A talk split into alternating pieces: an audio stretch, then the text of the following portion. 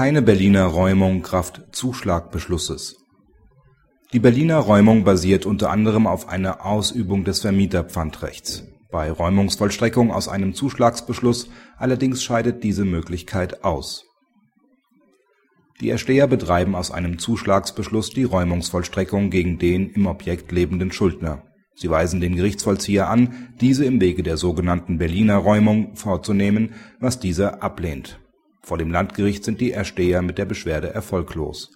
Die Ablehnung des Gerichtsvollziehers ist nicht rechtswidrig. Im Rahmen der Vollstreckung ist unter anderem der Schuldner aus dem Besitz zu setzen, was nur durch Wegschaffen seiner Habe möglich ist. Danach ist der Gläubiger in diesen einzuweisen. Die Räumung der Mietsache ohne die Wegschaffung der Sachen des Schuldners kann erfolgen, wenn der Gläubiger von seinem Vermieterpfandrecht Gebrauch macht, was vorliegend nicht möglich ist. Denn der im Objekt wohnende Schuldner hat mit dem Gläubiger keinen Mietvertrag abgeschlossen. Praxishinweis Im Hinblick darauf, dass die Berliner Räumung wegen des Wegschaffens der Habe des Schuldners auf der Ausübung des Vermieterpfandrechts beruht, ist der Entscheidung in vollem Umfang zuzustimmen